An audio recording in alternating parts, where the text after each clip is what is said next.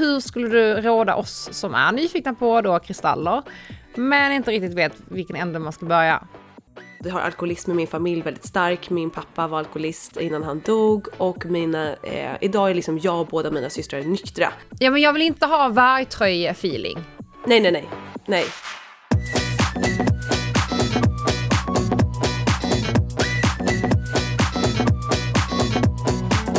God morgon. God morgon. Hur mår du? Ja men jag är sliten. Ja. Alltså jag förstår det. Först den här äh, resan med 60 tjejer. Sen hem en dag och bara pang boom, frisör, naglar, bryn, allt. Sen plan till Marbella. Mm. Sen hem. Mm. Och du hinner inte ens landa hemma innan du ska på nästa galej liksom. Mm. Nej, det- jag, jag känner mig dränerad Ja. nu. Det gör jag. Nu Alltså, kom det jag ju fatt mig. det. Jag känner mig riktigt uh, uttömd Ja. faktiskt. Så, ehm, men ja. Men men jag, nu är det, den här veckan är lite köttig, men sen det börjar eh, fasas ut. Alltså jag Ja. börjar Det är liksom... viktigt att du liksom Ja. har tid till återhämtning nu när du Gud ja. Men nu ska jag bara vara hemma. Jag tackade nej till att jag fick ett eh, erbjudande om uh, löpcoachning. Mm. Fyra tillfällen för liksom, ett stort bolag. Bra pengar, men tackade faktiskt nej. Bra. För att jag kände så här att, nej men då ska jag, då ska jag trycka in det Mm. den här och nästa vecka också. Det går liksom inte. Det är inte att, värt det. Nej det är Även inte fast eh, alla resor som du varit på Mm. och allt party och allt fix har varit så kul. Så som du säger, det tar ju så mycket energi. Ja, det gör ju det. Mm. Och eh, bara, och även om det är en timme, men det är ju inte bara en timme för du måste ta dig dit. Jag måste Exakt. sitta och skriva alla passen nu. Det är, och så ska man hem, alltså du, Mm. man är borta typ två och en halv timme. Ja. Så att, eh, nej, jag tackade nej. Bra. Ehm, mm, jag, jag kände mig, det tog emot, Ja. för att man är ju så himla inprogrammerad på att man ska tacka ja till jobb.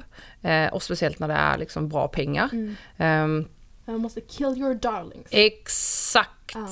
Kill your darlings. Ja. Jag hade så fin söndag med Laban igår. Mm. Ehm, ja men jag är så kär. Ja, det såg så mysigt ut. Ja. Ja. Kaffe på sängen Ja. och så åt ni och... Ja, nej men det var så bra och Nej men jag har ju saknat att hänga med honom. Ja, jag förstår det. Ja, och vi är liksom så här nykära. Mm. Det har ju typ varit en månad ifrån Mm. varandra. Mm, Mer eller mindre. mm, Nej, det är fint. mm. Och vet du vad jag ska göra idag? Nej, berätta. Jag ska äta lunch med två stycken DJ-tjejer idag som ska Oh. DJa på bröllopet. Just det! Jajamän. Wow, Mm, vad mm, kul! mm. Två stycken klubbkids. Men det där måste kännas så kul med all så här bröllopsplanering. Vi måste ju så här ha ett avsnitt om Mm. Ja. det sen. Ja, Ja. det måste vi. Vet du vad jag tänkte på när jag var, jag var på Spybar i lördags? Ja. Vet du vad jag tänkte på då? Nej. Eh, Det du och jag eh, pratade om, eller det du sa efter du hade varit ute, Ja, eh, att det är väldigt ängsligt ja, ute. verkligen. Och jag tänkte verkligen på det för Alltså när jag går ut så går jag ut för att röja. Alltså jag dansar, alltså jag går loco, jag älskar det. Men jag märker ju så tydligt att folk är så otroligt ängsliga när de Ja. går ut för att de vågar inte släppa loss, de dansar inte. Det är mer viktigt så här, vem man är ute med, var man är, Mm. eh, än att faktiskt vara i stunden och ha så jävla roligt. Jag vet, det är helt sjukt. Dagens gäst. Ehm, hur länge har du följt Josefin? Ja, eh, alltså jag har vetat vem det är väldigt, Mm. väldigt länge. Mm. Eh, det är Josefin Dahlberg vi pratar om som ska gästa dagens podd. Och varför vi har bjudit in henne till After Workout-podden är ju för att eh, hon för både dig och mig är en väldigt stor inspiration inom så här, personlig utveckling, hennes resa som vi kommer ta upp idag. Eh, för mig väldigt mycket inom det här spirituella Mm. eh, som jag har fördjupat mig nu inom eh, i, i vår liksom. Eh, och bara, ja men såhär soulwork, hennes self-care, Mm. hur mycket hon predikar om det. Mm. Eh, så att jag är så spänd på att höra Mm. vad hon har att säga Mm. om allt det här. Mm. Ska vi ringa upp henne? Jag tycker det. Det ska bli väldigt spännande. Jag är ju väldigt ny på hela den här stengrejen. Ja. Så Kristaller där, heter ja, kristaller. inte. Nej, sten. Sorry allihopa. Eh, nu har jag färgat ännu en grupp. Först var det revisorer, nu är det... Ah! Eh, men eh, ja, det är därför jag blir så nyfiken. Jag är väldigt nyfiken på hur hon tar sig an allting. Så det... Ja, vi kör. Vi ringer upp henne. Hon skulle egentligen varit här idag, eh, men det är ju vabbtider nu. Så att vi... Eh, snabbt ändrar vi om så att vi kunde ringa upp och köra det här via länk istället.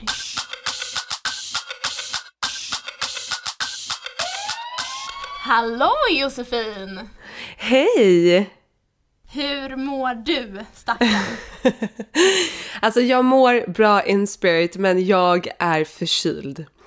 Ja. Eh, min kropp signalerar till mig att jag behöver chilla lite så att jag har liksom fått eh, göra om min veckoplanering lite. Men jag kände att så här, jag kan liksom inte missa att vara med i er podd. Så jag är glad att vi kan spela in på varsitt håll. Så jag sitter i en stor stickad tröja, har en kopp te, eh, har dukat fram lite kristaller så att jag känner mig så redo för det här. Helt Nej men det rätt. där, är, det där är så jag tänker mig att du ser ut just nu. Det där, den där bilden stämmer så överens om hur jag tänkte att nej men nu sitter hon där och gosat ner sig. Eh, ja, men helt rätt, helt rätt. Jag tycker det är lite härligt att innan jag tror att så innan pandemin så hade man varit så här, så här nej men man bokar om, man ska ses, man, nej men man kör inte via länk. Men nu känns det lite som att allting går. Man har liksom lösning, man bara, men det löser sig, vi rings eller vi gör det här. Alltså det, jag, det, det känns som att många har ett annat mindset kring, till, kring att bara saker och ting kan lösa sig. Verkligen. Och det blir mycket smidigare så att, äh, det är jag är superglad för att man har öppnat upp för det och också att så här, ja men boka om, liksom jag, ni har ju fullt upp, jag har bebis, alltså det är svårt att få till det så att det kändes lika, nu kändes det ändå som att så här, nej men nu ska vi köra så att det, det här kommer bli skitbra. Ja, vi är Ja. så glada att ha med dig då. ja, jag är superglad att jag får vara med. Ja, innan vi ringde upp dig så pratade vi bara jättekort om eh, varför vi har valt att bjuda in dig. Men vi tänkte att eh, det kanske är några lyssnare som inte riktigt har stenkoll på vem du är. Så. Stenkoll. Exakt. Anna! jag, jag får inte lov att säga stenar, Nej, det heter kristaller. Men jag, heter det. ja, okej, Ja, fortsätt, förlåt. Kristallkoll, Ja. ska man säga så? Ja, kristall. Nytt uttryck. Perfekt, Ja, nytt nej. uttryck. Ja, ja, ehm, men vill du liksom bara med typ kanske tre meningar bara beskriva vem är du? Ja, nej men jag heter då Josefin, jag jobbar med mina sociala mediekanaler, min Instagram, jag har min podd. Sen driver jag också en spirituell webbshop som heter Ola Moon där vi säljer stenar, nej vi säljer kristaller och andra härliga grejer. Eh, jag är yogalärare, jag brinner liksom för att eh, må bättre själv, att utveckla mig själv och mitt mående och hjälpa andra att göra samma sak. Och det brinner jag för för att jag själv har mått skit förut. Ja. Nej, det var så lustigt för att min moster är väldigt eh, spirituell så hon skrev när jag la ut det där igår att du skulle gästa podden. Hon bara Åh, jag älskar Josefin och varje gång hon lägger ut någonting så blir jag liksom helt varm och stolt att hon gör en så stor skillnad och ja. Nej vad fint! ja. Nej, alltså ditt jobb, alltså du gör verkligen, eh, du förändrar väldigt mycket för många tror jag. Eh, och det betyder väldigt mycket. Jättefint. Mm. Härligt att höra, Men- tack! Som du lite nämnde där, du har ju inte alltid haft det här mindsetet och liksom varit, liksom lyssnat inåt och varit spirituell. När, när började allt det här och varför? Nej men alltså verkligen, jag kan säga att så här, jag, alltså jag typ hatade ju sådana personer som, som jag själv är nu. Du vet folk som gick upp tidigt och yogade, drack smoothies, var glada och positiva. Jag var så här, men orka, vem fan bryr sig typ? Alltså jag var, Ja. hade väldigt annat mindset. Jag, och det här är liksom kanske 10 10-12 år sedan när jag var så här, men runt 20. Eh, och då hade jag, jag hade liksom en ganska lång jag drack första gången jag var 10 år, vilket är skittidigt och det var för att jag har två äldre systrar. Så att jag ville liksom vara som dem, de var 14-15, hade så börjat festa. Så att jag började med allting väldigt, väldigt tidigt och också vi har alkoholism i min familj väldigt stark. Min pappa var alkoholist innan han dog och mina, eh, idag är liksom jag och båda mina systrar nyktra. För att vi har det liksom så starkt i familjen. Men jag utvecklade det här väldigt tidigt under min tonår och mådde ju liksom skit. Och, det, och, och varför jag också började kröka och andra grejer var ju för att jag mådde så dåligt på insidan så att jag orkade liksom inte känna efter utan jag ville ju liksom bedöva det. Och sen blir det den här negativa spiralen av att man gör massa dumma grejer på fylla, man gör bort sig.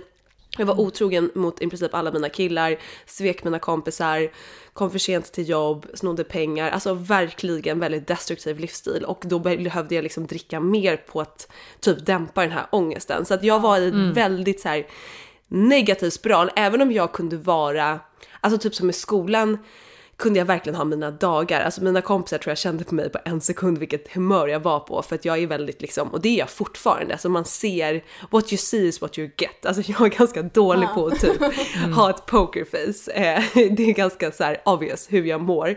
Eh, men då var det liksom väldigt Mådde jag dåligt så var jag liksom som en igelkott, alltså taggarna utåt.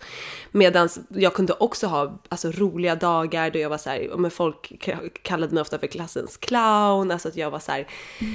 Men det var ju också någon slags roll jag tog på mig och för att jag, jag kunde aldrig riktigt vara mig själv utan jag var antingen liksom superdeppig eller så typ spelade jag glad. Eh, mm. Och det här gjorde att jag bara kom längre och längre ifrån mig själv hela, hela tiden. Och sen så hade jag många liksom breakdowns, började gå hos alkohol och drogmottagning när jag var 17, 18. Eh, och sen till slut när jag var 20, ja, skulle fylla 21 så blev jag nykter och nu har jag ju faktiskt inte druckit sedan dess så det är snart 12 år sedan. Helt sjukt. Wow! och så det är ju... imponerande och bra. Ja men alltså verkligen och jag är så otroligt tacksam över att jag lyckades göra den vändningen så tidigt i livet för att jag fattar att det mm. kommer bara bli alltså svårare och svårare även om det såklart var svårt att göra då när typ det enda livet gick ut på var att festa när man var 20 ja. bast liksom. Eh, men det var ju verkligen mitt startskott till att börja en inre resa för jag kan säga att fram tills dess hade jag ju aldrig typ ens funderat över hur mår jag eller vad eller så här, hur mår jag hade jag ju såklart funderat över, men vad behöver jag? Vem är jag? Vad vill jag? Utan jag hade bara levt utifrån både någon roll som kanske mina, min mamma hade målat upp eller samhället eller mina kompisar, vad man tyckte var coolt. Aldrig riktigt så känt inåt typ, vad vill jag?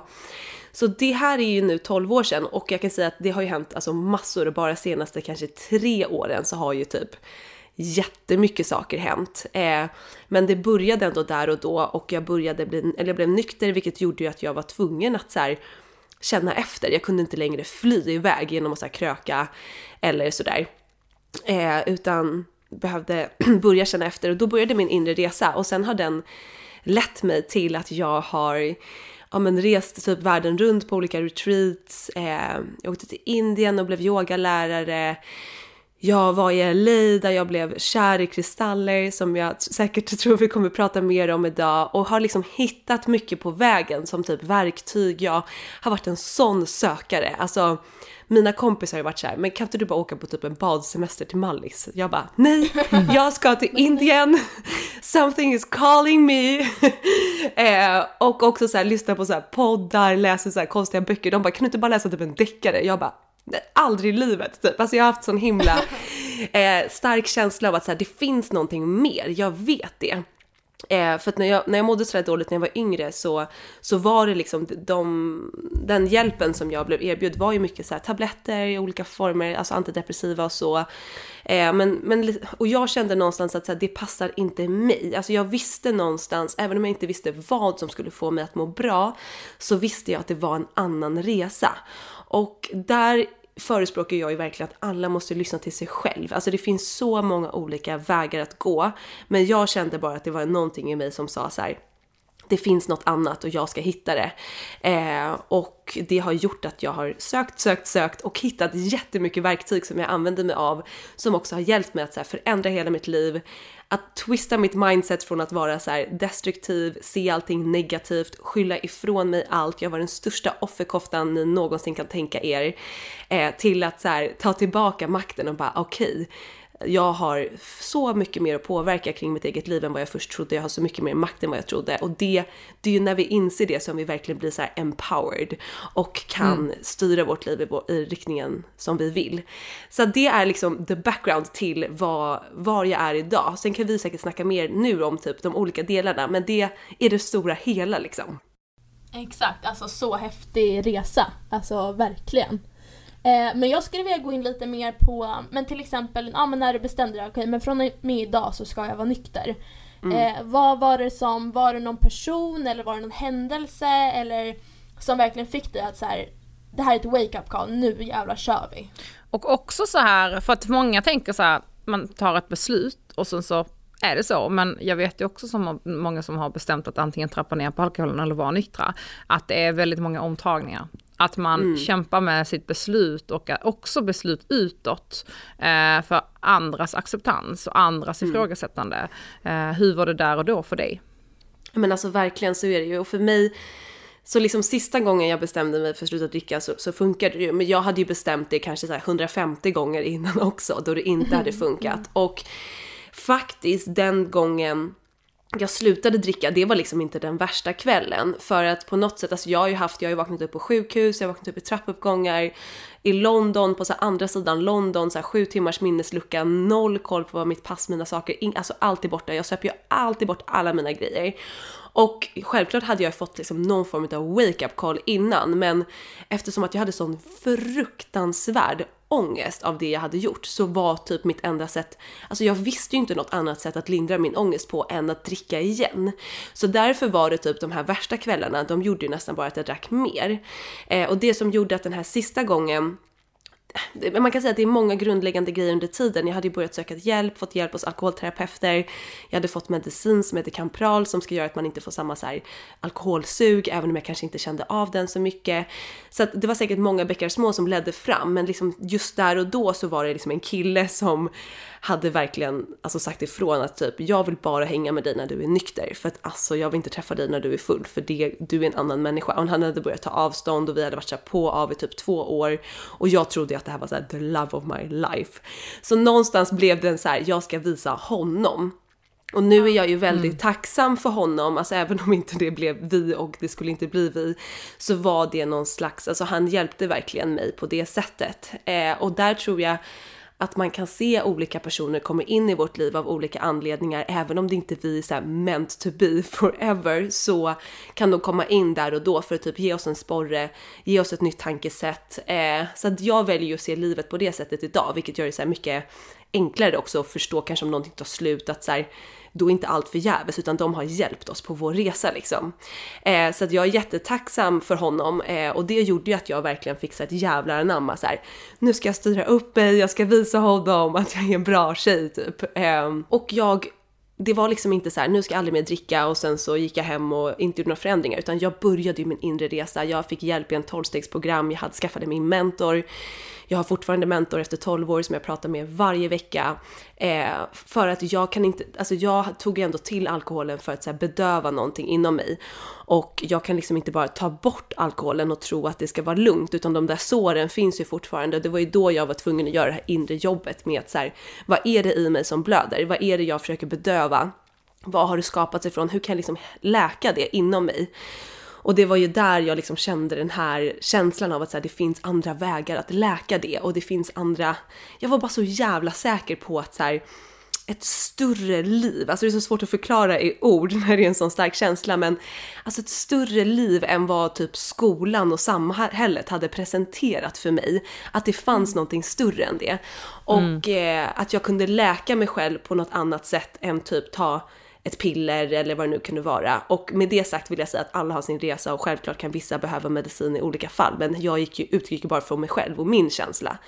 Eh, jag kände att det fanns en annan väg och det var ju det som någonstans var liksom min sporre till att läsa, lyssna, resa. Eh, och eh, självklart fick jag liksom bita mig i armen många gånger för att inte gå ut och kröka för att för fan vad jobbigt det är att bara möta alla sina känslor som man har trängt undan och sen min pappa dog när jag hade varit nykter i två år och då tänkte jag innan han dog så här: okej, okay, men när han dör, då kan jag kröka för då kan ju ingen jävel säga till mig. Alltså herregud, min pappa har ju dött, då är det klart jag har rätten att festa eller att dricka. Eh, men när pappa dog så var det verkligen det sista jag ville göra utan då hade jag ändå haft två år till att typ landa i det här och eftersom mitt pappa mer eller mindre söper bort sitt eget liv så blev det snarare ytterligare ett wake-up call för mig att så här, jag vill välja att skapa ett annat liv än vad min pappa har gjort för sig för att han han har bara ställt till det för sig själv och inte tagit tag i det liksom.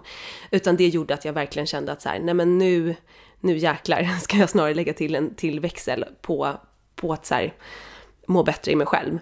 Eh, men det var så självklart jättetufft Ja, men det var såklart jättetufft som Johanna du sa där också, jag menar så här utifrån. Alltså jag var så här ung partytjej, det är klart alltså folk, mina så här festpolare försökte typ så här smuggla ner sprit i mina drinkar och alltså det var verkligen skitjobbigt. Men därefter ett tag så märkte jag ju också så här, okej okay, vänta, vilka är mina riktiga vänner som backar mig, som supportar mig i det här och vilka tycker bara att jag har så här, fan vad tråkig du är, drick.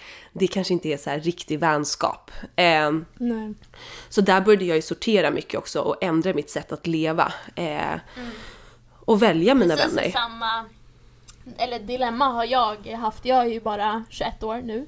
Eh, och eh, jag är inte nykter men jag kanske inte dricker som eh, på samma sätt som många av mina gamla klasskompisar eller kompisar som jag haft liksom Mm. under min uppväxt. Mm. Och där har jag märkt att så här, det är många som har ja, men kanske tagit lite avstånd bara för att jag inte är liksom, eh, vill festa tre dagar i veckan som Mm. kanske de. Men Mm. precis, precis som du sa så liksom, ja men vad är det för vänner då? Kanske man kan um- umgås med andra Mm. och alltså, Verkligen. Ja, precis. Det är en sån otrolig vattendelare där och det, det känns som att det verkligen är svart eller vitt och jag, det är också väldigt känsligt för många det här. Jag märker ju också själv så här när jag, det finns ju perioder där jag, även om jag går ut, så finns det ju perioder där jag är helt nykter och inte dricker. Eh, sen så finns det perioder där jag dricker, men det här liksom beslutet att säga nej men nej tack det är bra. Det, det påverkar andra människor. Mm. För mig har jag ju redan bestämt och bara så nej, idag, är, idag ska jag, idag ska jag inte. Alltså så här, så att jag är redan klar med den, det, det valet för mig själv. Men då blir det som att det görs om för andra. Att då måste jag ju liksom ta upp den tråden igen för att det är som att jag, jag vet inte, jag tycker det är Ja, men- väldigt intressant hur, hur det påverkar och hur, vilken eh, diskussion det kan bli. Men verkligen, och där tror jag är för att de, de allra flesta av oss är ju typ vana att leva i form av så här grupptryck, Ja. vad gör andra? Vi är ju inte lärda till att så här, gå till oss själva så här, vad känner du, vad behöver du, vilken typ av mat mår du bra av, vilken typ av, så här, klarar du av alkohol, är det, är det för mycket för dig? Utan vi är ju vana vid att så här, när vid den här åldern ska du börja kröka, sen ska du börja tjurröka, sen ska du göra det här, eller vad det nu kan Ja. vara. Ja. Eh, och då om någon person typ stör det som jag eller som du i perioder eller, eller som er båda egentligen så här, nej men just nu känner inte jag för att dricka, då rubbas ju det för andra för de är Mm. Ja. inte vana att gå till sig själva. Jag tror det är det någonstans som jag verkligen vill förmedla till fler att så här, börja utgå ifrån oss själva och leva ifrån oss själva, inte utifrån vad alla andra gör. För att också så här, alltså jag, I couldn't care less om någon annan dricker eller inte. Alltså mitt Mm. beslut står för mig. Sen är det klart att så här, när jag är ute och festar, ja, men jag kanske inte är ute till halv fem. Jag kan vara det om det är en bra kväll och jävligt bra musik, men oftast typ vid två så känner jag att det är något så här, det är typ någon så här breaking point när man säger men jag kan lika gärna gå hem nu för efter det här kommer folk typ ändå inte komma ihåg någonting, det kommer inte hända så mycket nytt typ utan man så här upprepar kvällen. Eh, men jag har inga problem att vara med andra eh, och även i min familj, alltså mina, nu dricker inte min kille som jag är ihop med nu då, men, men mina ex, jag har bott ihop med, med, med ex, de har haft alkohol hemma. Det är för mig inget problem. Sen förstår jag att för vissa kanske det hade varit för mycket. Och där handlar det återigen om att gå till sig själv. Men precis som du säger Anna, så här, det, det, det är nästan som att det inte blir ens egna val utan då, då ska man liksom stå till försvars för typ hela gruppen och det är ju där vi någonstans vill så här bryta det till att alla ska utgå från sig själva och göra det de mår bra av. Eh, och det tycker jag är, är så himla mycket. Alltså jag har till exempel kring så här mat, jag har pluggat nu till holistisk coach och är snart klar och lärt mig jättemycket om näringslära och, det vill grejer. jag verkligen prata mer om sen. Ja, Vilken alltså det är var, så spännande. var pluggar du via? Eller vilken? Jag går IIN, en amerikansk utbildning som jättemånga har är det gått. samma som Sanne går? Sanne Ja. Alexandra? Exakt. Ja, för den har jag varit inne på eh, nu. Jag var inne senast förra veckan och kollade på, för Nej, jag men- är nämligen sugen på att göra det. Mm, ja men då är du dragen till det. För att jag, jag prenumererade på deras nyhetsbrev för typ tre år sedan. Sen tog det mig så här, två år att signa upp mig. För att jag bara, jag måste vänta inte på rätt tid. Men jag var verkligen så dragen till den och då kommer du säkert också gå den när det liksom passar. Ehm, men för att jag själv haft så mycket problem med min mage. Alltså jag är verkligen superkänslig mage och det är också så här, går ju tillbaka till typ trauman från när jag var liten av att inte lyssna på min egen kropp, eh, har ätit super ohälsosamt, alltså jag åt typ godis till middag i massa år, jag drack massa läsk när jag slutade festa för att liksom kompensera. Alltså jag har verkligen inte så här, tagit hand om typ min mage. Eh, och nu när jag har börjat välja kanske att så här, nej men jag vill inte äta vissa grejer för att jag är för känslig mot det, då är liksom hela min kväll förstörd. Där märker, man, märker jag också hur det kan bli så här, typ min egen mamma bara, men hur kul är det att fika med dig om inte du tar en bulle? Och då Ja, är det så här, men, men liksom jag mår ju, då mår ju jag dåligt sen resten av eftermiddagen. Så här, lägg inte över det på mig. Alltså, om du vill fika ta en bulle, gör det. Men jag Mm. väljer att äta det här för det mår jag bra av. Och det är ju någonstans det tänket som jag verkligen vill så här, få ut. Att ja, men just det här vi ska utgå från oss själva än att vi ska hamna i de här sitsarna där vi gör, Idealen och normen. ja, ja men precis, vi gör saker bara för blir alla andra gör det. Exakt, det blir ju någonstans att man hamnar och man ska ta ansvar för hela gruppen. Om man själv med sitt egna beslut. För att då blir det någonstans att man ska hålla igång stämningen eller att, det, att man sänker stämningen för att man, sitt egna val. Och det handlar ju inte om att jag sänker stämningen utan det handlar om så vad andra har förväntningar på sig själv och förväntningar på andra. Mm. Men det jag gillar med det här holistiska tänket är ju att man ser till helheten. Alltså man kan ju äta hur nytt som helst, sova sina åtta timmar per natt och träna som man ska men om man inte har liksom tagit ett tur med en psykiska hälsan så kan man ju fortfarande må dåligt. Att man liksom verkligen ser till hela tårtan, 100%. inte bara liksom de här bitarna.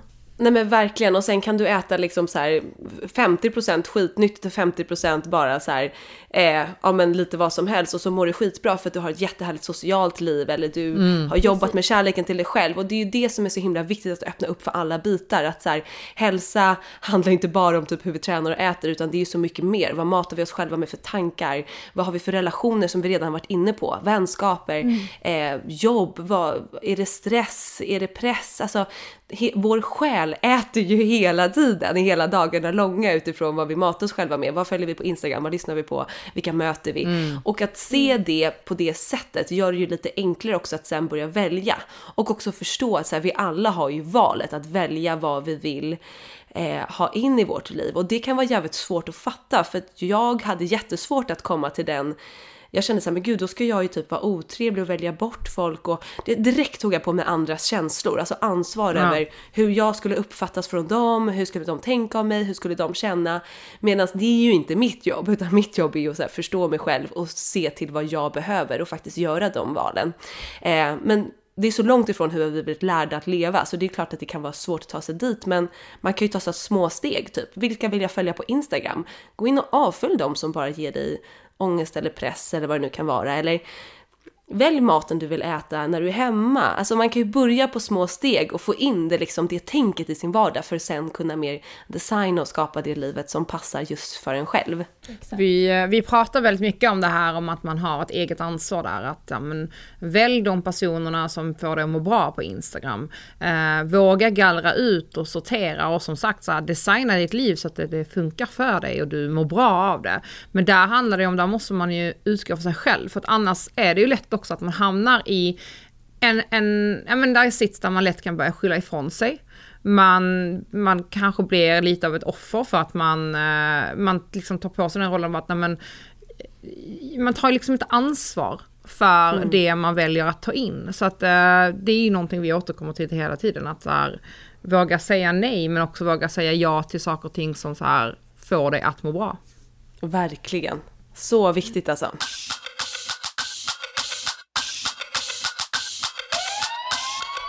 Men jag är lite intresserad av, eh, nu har vi ju liksom fått en liten bild av när, när saker och ting förändrades och så här, men vad var det första, eh, för du har ju skrivit en bok som heter Soulwork om hur man liksom steg för steg, ja men knep man kan göra för att börja lyssna inåt och liksom ta de här aktiva valen mot ett liv som är designat efter en själv och sånt där.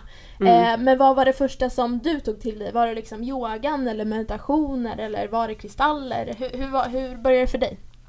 Nej, men min mentor då via mitt tolvstegsprogram, så hon fattade ganska snabbt att jag var öppen för någonting mer. Eh, Och hon, så tolvstegsprogrammet så är det ju som det låter 12 steg, det är ett andligt program så det handlar mycket om att så här, jobba igenom, gå igenom, inventera sig själv, så här, be om förlåtelse där man behöver be om förlåtelse, men också öppna upp för någonting större än en själv. Och det, behöver, det är inte kopplat till någon religion eller gud eller så, utan man kan kalla det här precis vad som helst. Det kan vara en energi.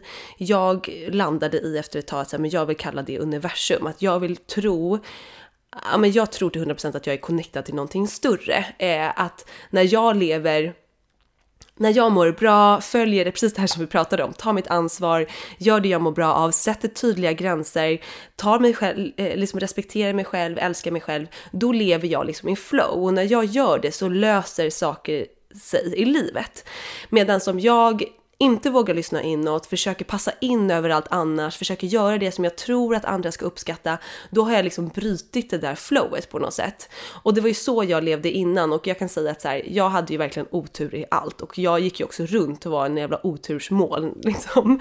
Men när jag började skifta och, och började lyssna inåt och började ta action på det så var det alltså som att vinden vände. Det är nästan sjukt, alltså hur snabbt det gick. Jag fick mina drömjobb, alltså lägenheter löste sig, jag började tjäna pengar från att liksom aldrig haft pengar, också varit super oansvarig med pengar. Eh, jag träffade liksom härliga partners från att liksom tidigare attraherat in såklart personer som inte varit så härliga. Eh, mm. Och alltså allt verkligen skiftade på yttre, yttre inre planet. Och ju mer jag liksom alignade med mig själv, med mitt inre liksom syfte, desto mer har saker löst sig. Och det är ju så jag försöker leva idag och det händer ju saker liksom hela, hela tiden. Det är ju verkligen så coolt att se. Så det var egentligen det första som jag gjorde, att börja så öppna upp för någonting större och typ men okej, okay, fatta lite hur universum funkar. När jag är linad då kommer saker lösa sig och, och ja, men, ha det som någon form av guide. Eh, så det var liksom mitt första steg. Sen var det meditation, för att min mentor bara holy shit, här har vi mycket att jobba med. Hon bara, dina tankar är all over the place, du är superstressad, du pratar i 780. Hon bara, jag hör inte vad du säger. Eh, jag kunde inte göra en sak i taget. Jag blev ju kallad så här dampjossan i hela min skoluppgång eller skolgång. Jag har bytt skolor, du vet extra klasser. Alltså snacka om det här med att många säger nu när jag förespråkar meditation så här, men jag kan inte sitta still. Och då är jag så här, men trust me, jag vet. Alltså jag kunde aldrig sitta still. Jag blev alltid utslängd från lektioner för att jag så här ja men jag kunde inte sitta still och jag betedde mig mer som killarna, vilket ju inte var accepterat då för att jag var tjej, fick jag ju jämt höra att så här, hon beter sig som killarna. Och man bara, ja det är okej för dem, men inte för mig. Ja, ni fattar, det är en helt annan diskussion. Men det har verkligen varit en problematik sen hela liksom min uppväxt, att så här, jag klarar inte av att sitta still. Eh, så min mentor gav mig så här mikromeditationer som jag gjorde och eh, antingen så var jag superhyper eller så somnade jag. Jag hade liksom inte det här mellanläget. Eh, så jag gjorde korta meditationer, jag fick också så här gående meditationer av henne, för hon bara, men ut och gå kan du ändå göra liksom. Och då var det mycket så här, gå ut och gå, connecta med naturen, typ titta på löven. Och du vet, jag gick där så här 22-23 år gammal och bara, vad fan är det här? det kändes så jävla weird. Men hittade ändå ett lugn i det. Alltså du vet, ett lugn som jag inte hade känt förut för att jag alltid var i det här hyper eller typ helt däckad modet. Så det gjorde att jag började utforska det här. Så meditationen har ju varit med mig under jätte, jättemånga år, men det är ju först nu som jag känner, eller senaste åren som jag hittat liksom det som funkar för mig. Och meditation finns det ju så många olika former så att för de som känner att man är för rastlös eller man tänker för mycket, Alltså det är inget problem, utan det är ju vi, det är ju då vi behöver det här. Hade vi kunnat sitta ner i lugn och ro och inte haft några tank, nej men då behöver man inte meditera. Alltså man måste nej, se det som ett verktyg till att det här kan hjälpa dig att hitta det här inre lugnet och bygga upp det och skapa den här, fördjupa den här relationen till dig själv. För det är ju precis det vi gör när vi sätter oss ner, riktar energi, tar oss själva en stund, oavsett om det är fem eller 15 minuter, till att så här, nu fördjupar jag mig i mig själv. Jag landar här och nu, jag släpper tankarna, jag släpper min to-do. Och sen vill jag bara flagga för att det handlar inte om att inte ha några tankar när man mediterar, utan det handlar om att öva på att inte följa med tankarna som kommer. Eh, så att ingen har för mycket tankar för att meditera. Nej men jag tycker det är fint, eh, det var någon som sa att man ska se tankarna som moln som passerar. Att man, mm. ja det kommer ett moln nu men att den liksom passerar, man behöver liksom inte spinna vidare. För att jag vet i början när jag försökte meditera så vart jag så jäkla arg och frustrerad på mig själv att så här, fan nu börjar jag tänka massa och så blir man irriterad så bygger man upp en så här inre ilska. Så här, kan jag inte mm. bara så här, sitta still i fem minuter och inte tänka på någonting? Mm. Eh, men, men, bara liksom låta det passera. Ja, för att vi har ju typ 60-65 000 tankar om dagen och det är ju först när vi sätter oss ner som vi faktiskt inser hur många tankar vi har. Så att där, där, där kan du ju tänka så här, när du kommer på att du har typ tänkt iväg, när du kommer på så här, nu tänkte jag igen, då ska du tänka så här, yes, nu kom jag på det, för nu, det är då du kan välja att rikta tillbaka fokuset till andetaget. Eller vad du har för ankare. Så att man gör det om och om igen. Så meditationen har ju hjälpt mig, alltså det har ju förändrat mitt liv verkligen. Att kunna så här, stärka min connection inåt, gjort mig lugnare i mig själv, tryggare i mig själv. Så att jag också så här, känner mycket klarare, alltså vad som känns rätt och fel. Idag kan jag alltså väldigt fort känna så här, men jag vill inte det här. Det kanske låter skitkul men det är någonting som inte känns rätt för att jag har byggt upp min intuition och min så här, connection inåt så himla mycket. Så det är ju verkligen ett lifehack som vi kan ha med oss i vårt liv på så många olika sätt. Eh, men med meditationen, just för att jag tyckte, tyckte att det var så svårt i början, så tog jag ju hjälp av kristaller. Jag började få kristaller av typ mitt ex mamma. Alltså det började bara ges kristaller till mig på olika sätt och jag var så här, precis som Joanna bara, mm, tack för stenarna. Fina! Vad fan ska jag göra med de här typ? Men så skulle jag så här, jag kommer ihåg så väl, jag skulle flytta från min lägenhet och så var jag så här, men gud vad ska jag göra med de här stenarna som har legat i mitt fönster? Jag, jag använder ju, alltså, så här, ska jag bara slänga dem? Men det gick inte. Alltså det gick inte att lägga ner dem i en låda, gömma dem, slänga dem. Det var precis som en så här bukett fina blommor. Alltså det tar ju emot i hela själen att så här, trycka ner dem i en papperskorg när de är så här supervackra. Samma känsla hade jag med kristallen, att det var liksom som att den levde på något sätt. Jag kan inte bara stoppa undan den här. Och då började jag men alltså när jag började söka liksom, idag finns det ju massor av det här, men det här är ju kanske så åtta år sedan. Det var ju inte så många som höll på med så här kristaller, framförallt inte på det sättet vi gör det idag. Det var inte lika tillgängligt. Men då när jag läste de här böckerna och det så fick jag tips om att man kunde meditera med kristaller. Så då satt jag med en kristall i varje hand och kände hur det så här lugnade mig, gjorde att jag kunde hålla lite mer fokus på att så här, hålla den här kristallen, jag kunde fokusera på den kristallen. Så att så började jag använda kristaller. Eh, och sen tog det ganska många år innan jag var där i LA och blev helt kär i kristaller på ett nytt sätt. Att så här, jag ha med mig dem var jag än gick, ha dem framme i varje rum. Eh, så att jag kan säga att så här, under de här åren så har jag bara hittat fler och fler verktyg som har hjälpt mig till att ja, men kunna fördjupa den här, så här in, det här inre jobbet, mer den spirituella livsstilen. Eh, och idag har jag ju liksom ja, men sjukt mycket grejer som jag använder mig av som hjälper mig. Men samtidigt så känner jag att jag ändå kan göra mer avskalade grejer idag just för att de här verktygen har hjälpt mig att komma hit, att jag faktiskt nu kan sitta i en så tyst meditation på egen hand. Eh, även om jag vissa dagar fortfarande är fett rastlös. för det tror jag, liksom, det är så i livet. Jag strävar inte efter att bli en jävla guru som bara kan sitta och meditera en timme utan att ha en tanke, utan så är livet liksom. Ibland, vissa ja. dagar så känns det enkelt och vissa dagar känns det assvårt och astråkigt liksom. Men då har jag en fråga. För jag mm. tror ju, eller ganska övertygad att många som lyssnar på den här podden nu och, och liksom är lite nyfikna, de är ju som, som jag, de har inte så stor koll. Um, vad, vad är din, liksom, hur skulle du råda oss som är nyfikna på då kristaller, men inte riktigt vet vilken ände man ska börja? Vad, eh, hur börjar man? Hur börjar man utforska sin nyfikenhet med kristaller? Ska man besöka din butik? Ska man, eh, ja men, tips? Mm. Nej men alltså det var ju just varför, det här var ju varför jag startade hela mitt koncept Ola Moon som nu är då både en fysisk butik på Söder och sen har vi en online-shop. Men vi har också så mycket information. För att när jag startade shoppen så var jag så här, jag vill inte bara sälja kristaller utan jag vill ju få andra att öppna upp för den spirituella livsstilen. För att det hade förändrat mig, hjälpt mig så otroligt mycket. Och eh, då var jag så här, så när vi startade så la vi lika mycket tid och energi på att här, ta in produkter till att skapa material. Så vi har ju en podd där mm. vi så här, utbildar, vi har artiklar. Till exempel, är du ny med kristaller? Är du nyfiken? Hur programmerar du dem? Hur fungerar de? Hur kan du rena dem? Hur kan du använda dem? Så att det ska man gå in där och så här, grotta loss bland alla våra artiklar inne på ullamun.se för där har vi verkligen, det är precis liksom er som jag har haft in mind för att jag själv var där och bara så här, okej, okay, jag tycker att det här är spännande, jag vet inte fan vad det här är, vad ska jag göra mer? det. Eh, men började liksom använda det mer i min livsstil och kände sånt skifte. Eh, så att in där och grotta, men sen också gå på din känsla. Och det är verkligen någonting som jag tycker är superviktigt när det handlar om det spirituella, att jobba med sig själv. Att så här, det finns inga rätt eller fel, utan gör det som känns bra för dig. Om du känner att den här typen av kristallen, det står så här, den här passar bra vid sängen, har den under kudden typ. Och du så här, men jag vill bära med mig den här i min handväska.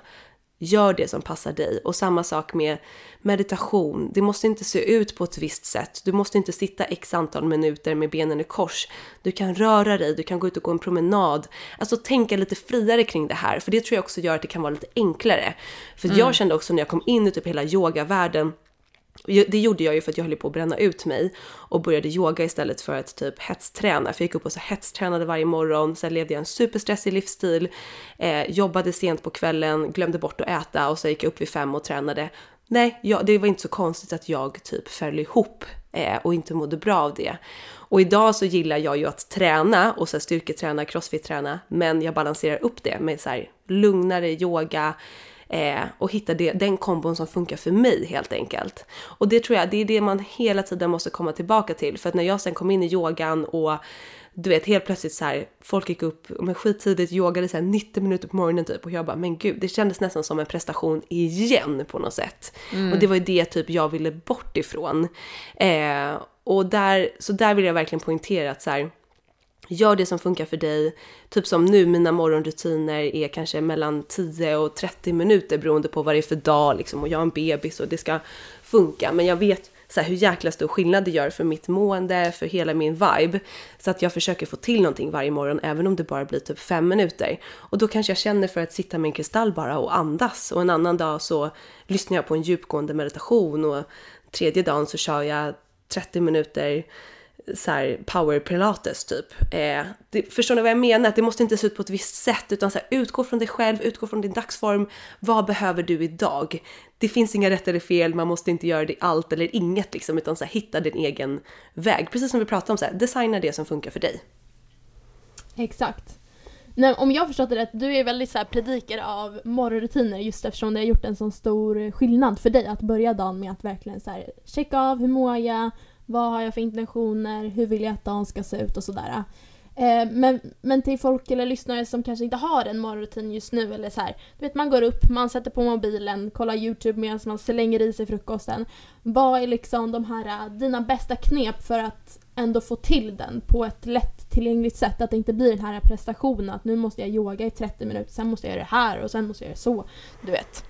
Nej men precis, alltså för mig så började ju det med att jag just så här, du vet, jag vaknade, jag låg med mobilen i sängen för att jag tänkte att det skulle få mig att så här pigna till. Men, men det som det mm. gjorde var ju också att jag så mötte typ andras typ perfekta liv.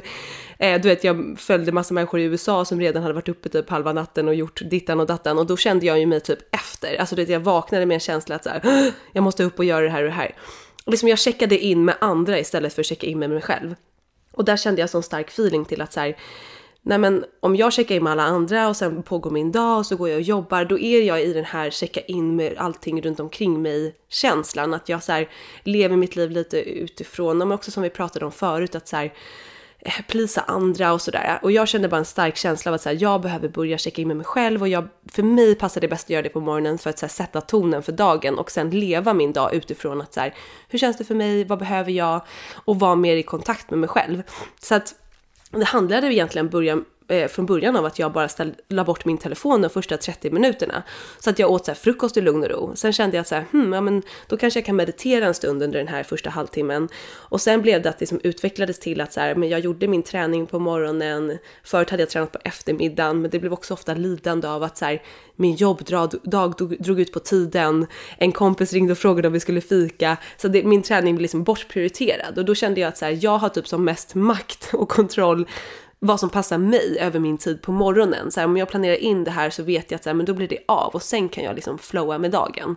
Eh, så för mig passar morgonen bäst. Sen beror ju allt på så här, vad har man för jobb och allt sånt där. Men, men jag kör ju det och som sagt gör det skalbart. Att så här, vissa månader kanske min dotter, nu har ju vi en uppdelning hemma att min kille har henne varje förmiddag.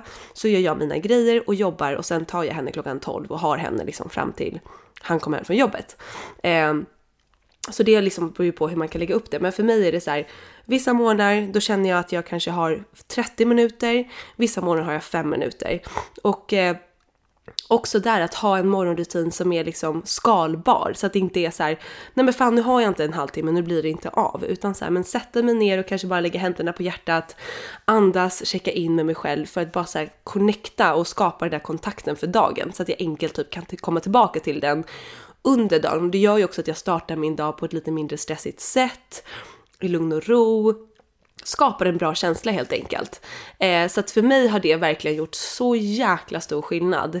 Eh, och gör att jag som sagt bygger upp typ som något, vad ska man säga, inte skydd men ja, men nästan som ett skydd för mig själv, min energi så här, och, och också just här, etablera den där kontakten med mig själv. För sen, jag menar hur vi lever våra dagar, vi pratar, vi, vi träffar andra, vi får sjukt mycket intryck via sociala medier det är inte så, alltså det är klart att vi kan lätt tappa bort oss själva i det och sen känna så här, oh shit, vart tog den här veckan vägen? Eller hur mår jag ens? Eller vad fan hände typ?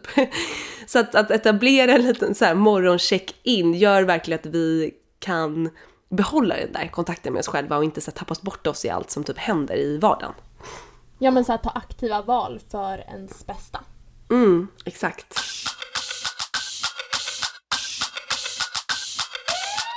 På tal om morgonrutiner så har vi en eh, lyssnare som har skrivit så här. Eh, jag har kommit in i en väldigt skön morgonrutin med yoga, meditationer och manifestationer när jag är hemma. För tre månader sedan började jag dejta en kille och så fort jag sover över hemma hos honom hamnar min morgonrutin ur balans och jag vet inte riktigt hur jag ska få till den när jag är hos honom. Ha, eh, hur ska jag introducera detta för någon som kanske inte riktigt är inne i i det spirituella? Mm, alltså gud jag känner igen mig så i det här. alltså jag har varit inne i killars badrum, du vet såhär bott i någon liten lägenhet på söder och man bara står där typ i badkaret och försöker typ kika av sig någon känsla. Men nej men jag fattar och det är ju lite knepigt och där tror jag också att man, precis det som vi var inne på att så här, men det kanske inte måste vara varje, varje dag och se ut på ett visst sätt utan kanske då när hon sover borta hos någon Antingen så säger hon bara till honom så här, du jag mår bäst av att göra det här, är det okej om jag jag, jag ställer klockan en kvart innan du går upp och går ut i vardagsrummet och gör det, eller vad det nu kan vara. Eh, men annars också kanske hittat så här, men när du är hos honom eh, eh, så kanske det är att du går in på toaletten och typ kör fem minuter meditation i lurarna bara. Alltså man försöker skalbara det så att det, så att det funkar. Och sen ju mer man dejtar, ju mer bekväm man blir så kanske man vågar liksom blomma ut där i vardagsrummet på yogamattan. Eh, men, men så att mycket handlar ju också om det här um, våga berätta vad man mår bra av och vad man gör. Alltså gud, jag har ju dejtat så många killar genom åren. Jag har ju haft så perioder där jag körde så mantra meditation på morgonen. Jag sitter och så här chantar i mitt vardagsrum typ på sanskrit och de bara eh, vad är det som händer? Eh, men Eh, så att jag fattar verkligen hennes feeling. Men typ, jag skulle säga det. Så antingen bara säga det, eh, det här är det jag behöver. Eh, försöka tweaka till om du kan gå upp lite tidigare eller typ om han går upp så kanske du kan vara kvar i sovrummet och göra det en stund. Eller göra en sån här miniversion liksom. Ehm, och sen så som sagt, ju mer bekväm man blir desto mer kanske man känner att man kan köra. Men, men det handlar ju också om att skapa det här spacet, att man också kan hamna i det yogamodet och verkligen få ut det av yogan så man inte står där och är typ så här, lite nervös typ. Eh, men, eh, men skala det och också våga säga att så här, de här grejerna gör jag på morgonen och det handlar inte om att han måste börja haka på och göra det. Utan kanske bara så här, det här behöver jag göra för mig. Är det okej om jag tar, jag tar en kvart i sovrummet nu på morgonen innan vi käkar frukost? Typ. Alltså det handlar ju också lite om hur man lägger upp det. Man behöver inte göra det så här, det är jätteflummig grej utan bara säga det lite enkelt liksom. Jag menar om det ändå är en en person som man dejtar och ändå tänker så ah, men det här kan nog kanske bli min partner. Mm. Då är det väl ändå väldigt viktigt att kanske introducera det i början. Eftersom det säkert kommer vara en del av ja. gemensamma Ja men precis. Liksom. Ja för det är ju en del av dig. Ja exakt. Ja. Mm. Ja men verkligen.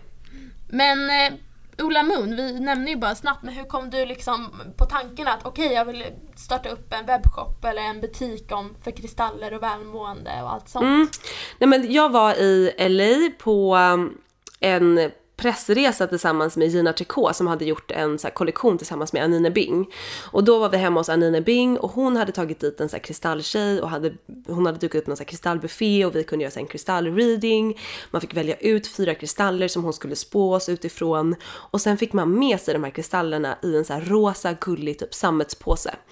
Och jag bara älskade hela konceptet med att så här, få fyra kristaller som passade mig, jag hade med dem i min påse, du vet jag gick med dem i min väska vart jag än skulle eh, och sen i LA där så gick jag runt, passade på med några andra ifrån gänget och gick till så här kristallbutiker och köpte på mig massa grejer. Och sen när jag kom hem till Sverige, för att även om jag hade använt med, eh, kristaller i meditation i några år så hade jag liksom inte som sagt anammat det helt ut, eller fullt ut. Så kom jag hem till Sverige och bara, men jag måste köpa mer kristaller. Anina hade också någon så här stor kristall hemma på soffbordet som var så himla snygg och jag ville också ha det. Och det finns ju massa kristallbutiker hemma men jag kände inte att jag fick samma vibe där som jag fick liksom i LA. Utan här kände jag att det var lite det här, ja men det, det är de här butikerna som har funnits ganska länge, de kanske inte har så här, precis Små den typ... kryp in. Oftast mörka och liksom. Ja, alltså i LA så var det de här ljusa, så här, snygga konceptbutiken som så här, tilltalade mig rent estetiskt. Och då fick jag en idé av att så här, men jag, eh, för jag var också lite trött på att bara jobba med mina så här influencersamarbeten. Jag kände att jag ville skapa någonting eget och hade då tänkt att jag skulle skapa ett smyckesmärke som hette Ola Moon. Men sen när jag var där i LA, bara, nej men fan jag skapar en spirituell webbshop med typ kristaller, kort och massa idéer liksom. Eh, så då startade jag upp bara på egen hand uppe på min kontor. Jag hade en vind på Söder tillsammans med Sofie som jobbade halvtid med mig och vi var bara så här.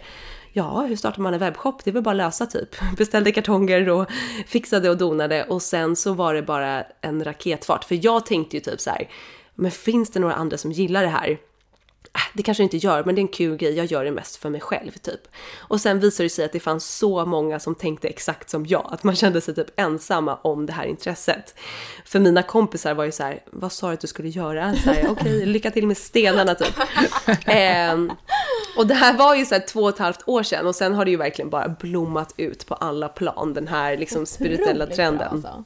Och jag tror att alltså, med pandemin att folk verkligen har fått upp ögonen för att Ja. faktiskt lyssna inåt nu när man har varit isolerad och att man verkligen fått upp ögonen för att, eh, hur viktigt det är. Ja, gud ja. Ja, Ja men jag tror också så här, vi har ju levt så länge i någon slags snurra av så här prestation, visa utåt, så här lyx och sen blev det ju lite för ett år sedan så här det här offline is the new luxury, typ att så här börja, börja koppla ner sig, så här, ta sig tid för sig själv. Att det är ju det på något sätt som är mer och mer, alltså det känns inte så trendigt att vara sönderstressad längre. Alltså jag, för fem, sex år sedan då, då typ kändes, det, kändes det som att jag och mina kompisar tävlade i så här, vem som jobbade mest. Och bara, ah, men jag är så stressad. Men jag känner nu, för du, eh, vi pratade om det innan vi ringde upp dig, att så här, ja, men, eh, nu har jag varit iväg och flängt och haft väldigt mycket jobb. Och alltså förr kunde man ver- verkligen vara så här, när man pratade om det, att folk bara så wow, wow, mycket jobb. Men nu, alltså jag var så här, nästan så att jag inte ens ville berätta det, för jag kände själv hur, hur illa jag tyckte det var. Alltså det är så här, ibland måste jag bara göra det och det måste göras, men det är bara, jag är så här fast, ja det är ju ingenting som jag är typ stolt över, utan det är bara någonting jag tuggat mig igenom det. Och det är verkligen, alltså när jag hör andra hur de berättar om sin stressiga vardag, jag är bara så här, wow jag är inte avundsjuk. Alltså jag är bara så här, uff nej.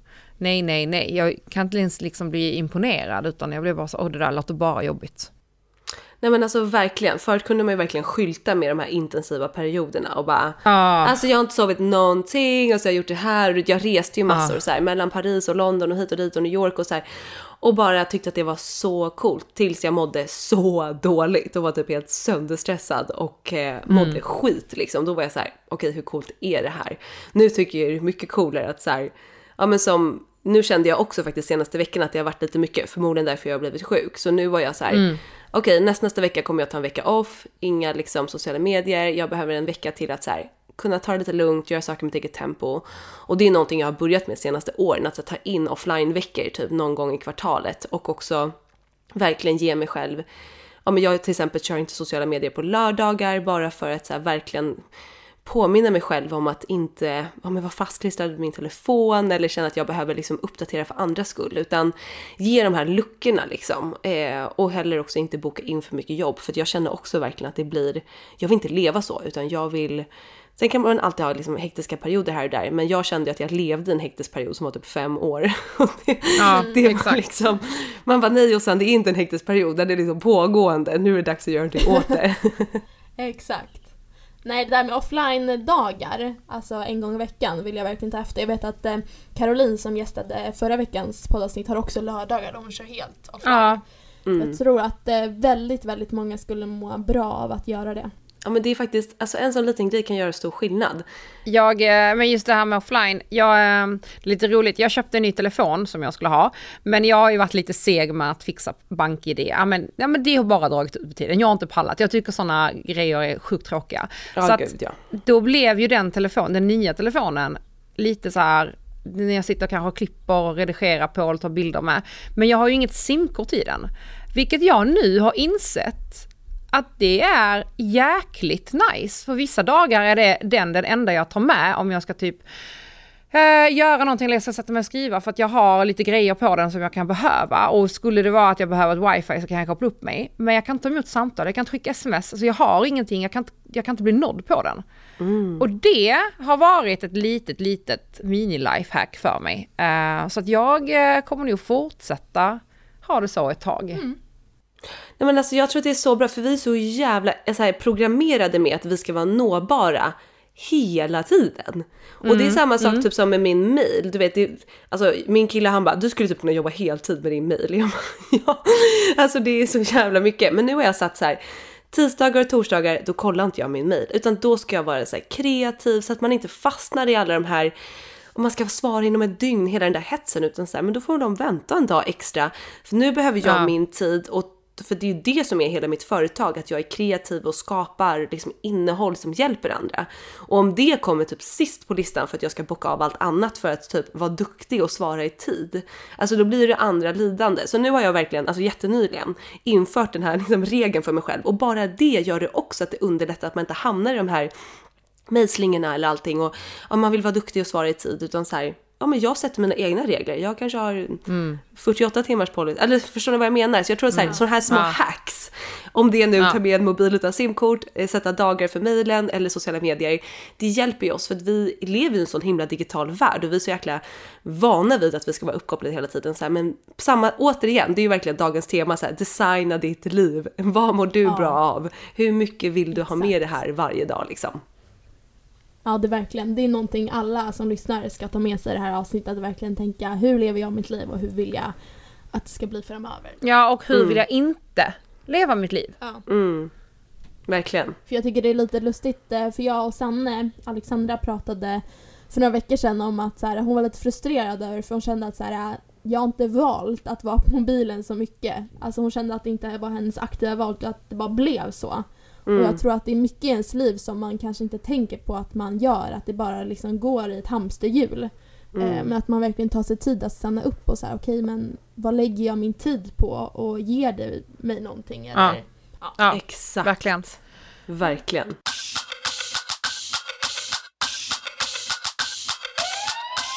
Jag har en fråga. Mm. Kan man ha en kristall i ett halsband? Ja, Ja, det vill, det vill jag ja, ha. ja, ja. Alltså, du, jag kan säga så här, snart kommer du få det i den snyggaste presenten av mig. Vi håller på att ta fram jättefina kristallsmycken. Är det sant?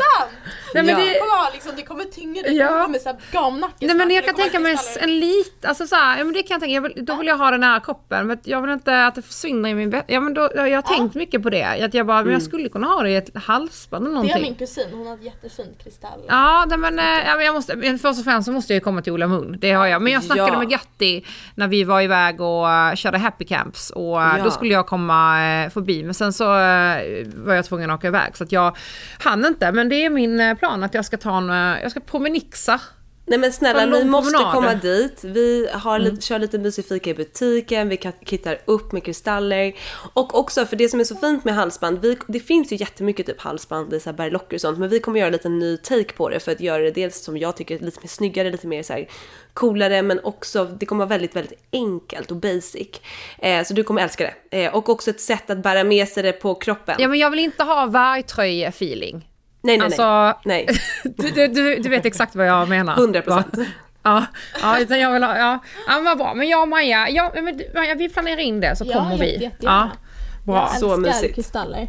Och jag måste verkligen säga, du, du nämnde ju det förut, men jag var ju förbi er butik i våras för då fick jag värsta rycket. Okej nu ska jag börja med meditera, jag ska börja med kristall. Alltså, du vet, så här, jag hade en dag från annan som jag bara så här, nu jävlar kör vi. Så då gick jag till Ulla Moon och verkligen bara så här, gick in och då hade min moster sagt att så här, kolla inte på lapparna utan bara plocka på de kristallerna som du känner att du dras till. Ja. Eh, så jag hade ju ingen aning om vad, när jag kom hem så hade jag ingen aning om vad alla de här betydde. Men då vände jag mig till er hemsida och jäklar vad bra beskrivningar och sådär som ni har. Ja, vad kul. Måste jag verkligen ge en eloge för. Ja vad härligt, nej men precis för det är ju verkligen det vi förespråkar att så här, självklart kan man ju typ om man känner att så här, jag vill ha in mer lugn, då kan du ta kristaller som, som står för det. Men ofta är det ju just det här, och det är också det som är alltid lika kul när folk kommer och typ så här, dras till några kristaller och sen så går man igenom vad det står för. De bara jaha, ja men det är ju därför typ. Alltså det är väldigt häftigt. Exakt. Eh, Det är super, superkul. Nej men eh, vi har gott om kristaller och andra härliga grejer och massa roliga saker på, gång, på gång bland annat om, som, som sagt smyckena. Eh, så det är ju någonting som jag vill med Ola Moon hela tiden, så utveckla det och göra det mer tillgängligt för oss ja. som kanske, ja men som Joanna, du, du är så lite nyfiken på det, men du kanske vill bära med dig det i vardagen på ett härligt sätt. Då kanske inte du måste mm. ha ett så här kristallaltare hemma. Alltså det finns ju olika sätt att kunna ha med sig det i sin vardag. Så att det är ju någonting som jag hela tiden och varit min tanke med Ola Moon från första början. Att göra det på ett så här lättillgängligt, så här härligt och roligt sätt liksom. Bra, Precis. det gillar vi. Ja, det gillar vi jättemycket. Um, ja, vi har en fråga här från bästa lifehacket när man är småbarnsförälder och vill få in sin body and soul care. Mm.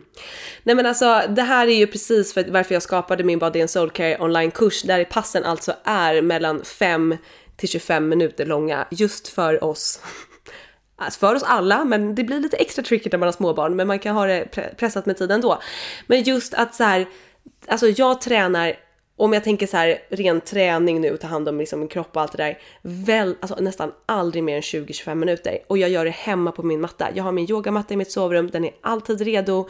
När jag då får en lucka, då tar jag med mig min dator, trycker på play och väljer kanske 10 minuter, 25 minuter, vad jag känner att jag har just där och då. Så att jag får in det. Så att det handlar ju hela tiden om att så här, underlätta för sig själv.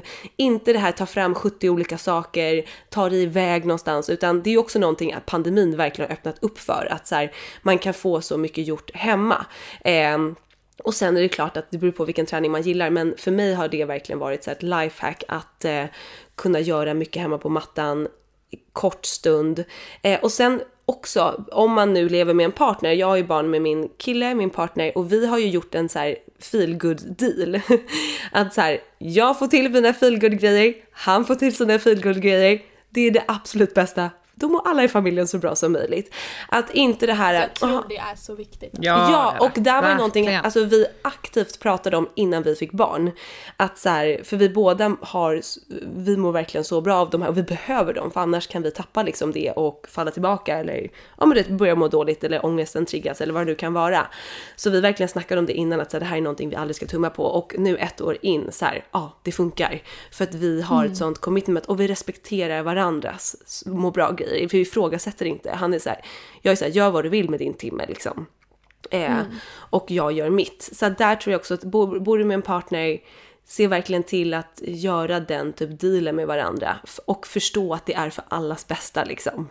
Eh, och har man inte en partner och man har barn, kan du kanske skaffa, har du någon förälder eller någonting som kan komma in så du kanske kan få till det typ en gång i veckan. Alltså det viktiga här är ju typ att så här, allt räknas. Det är inte det här en timme annars kan jag lika gärna skita i det. Utan så här, tio minuter gör skillnad. Exakt. Och jag tror det där som du säger att eh, det inte behöver vara allt eller inget utan att eh, ja, men fem minuter det är bättre än ingenting. Exakt. Verkligen. Exakt. Ja, alltså jag, du har ju också den här frågan här Maja, men jag har också fått in en ny på morgonen. Och det är det här med fördomar inom eh, spiritualitet. Och eh, att man kan vara ny och att eh, hur hanterar du liksom de här fördomarna och också hur du liksom, eh, nej men kommentarer som kommer Mm. upp kring det här. För det är ju fortfarande väldigt nytt och det vi vet är att det som är nytt det skrämmer oss lite och då är det lättare att fördöma än att eh, välkomna. Ja men precis. Ja men typ lite det här, hur skulle du säga till eh, kanske Josefin 20 år som var typ eh, gjorde narr av de här som drack smoothies och ja. yoga liksom. Nej men alltså, och mycket av det som vi har snackat om också det här med att Josefin 20 år levde ju bara sitt liv utifrån andras ögon. Hur ser de mig? Vad, tro, vad tycker de om mig? Vad kommer de tro om jag dyker upp här med kristaller och är märklig? Nej men jag skiter i det typ för att jag vågar inte bli dömd. Och påminna henne om att så här, men du ska inte leva ditt liv utifrån andra utan så här, tuna in och gör det du mår bra av, det kommer liksom lösa sig. Det, det kommer bli bra, bäst i längden. Eh, mm. och, och, där tror jag också att så här, för mig har det varit att jag har gjort mycket på egen hand. Eh, just för att jag inte haft så mycket kompisar som har känt igen sig i det här. Och jag tror mycket på att så här, Alltså jag försöker inte pracka på mina eller okej, okay, jag ger kristaller till alla jag känner. Men det är inte så att jag säger så här, ni måste göra det här. Utan jag försöker snarare så här plantera in det lite snyggt. Och snarare ah. vi, ja och också visa så här, alltså mina kompisar som varit med mig länge, jag har ju gått från att vara kallad dampjossan och aldrig kunnat sitta stilla till att nu, du vet, de tycker ju att det är ett skämt. Typ så här, vem är du människa? Och för mig har det ju handlat om att så här, Jo, men jag har blivit mig själv. Förut så var jag inte mig själv för att jag flydde från mig själv. Jag vågade inte känna, jag var stressad, jag levde bara utifrån hur andra uppfattade mig. Nu har jag känt in och lever ifrån mig själv. Så det har inte handlat om att så här, åh, jag ska bli den bästa versionen av mig själv, utan det har bara handlat om att jag ska bli mig själv. Och jag tror att när vi vågar göra den liksom förflyttningen och vågar skifta det inom oss själva, då kommer det inte vara lika viktigt vad andra tycker och tänker. Men sen kan man ju också välja från en början att säga, du måste ju inte heller visa upp allt på en gång om du inte känner bekväm med det, utan bli bekväm med det du gör först, innan du kanske börjar dela med dig. Eh, mm. För att är man lite skör och det kommer mycket utifrån, då kanske man liksom rubbar det och det känns ju dumt. Så att jag har gjort mycket, så här, gjort mycket på min egen kammare först, hittat min egen practice och sen delat med mig av det. Och sen kanske folk ifrågasätter ändå, men då är jag så himla liksom jag vet att jag gör det för att jag mår bra av det, även om andra tycker att det är mm. töntigt eller konstigt eller märkligt liksom. Jag blir inte lika beroende av, eller det påverkar inte mig lika mycket. Så att känn efter, hitta ditt sätt till det.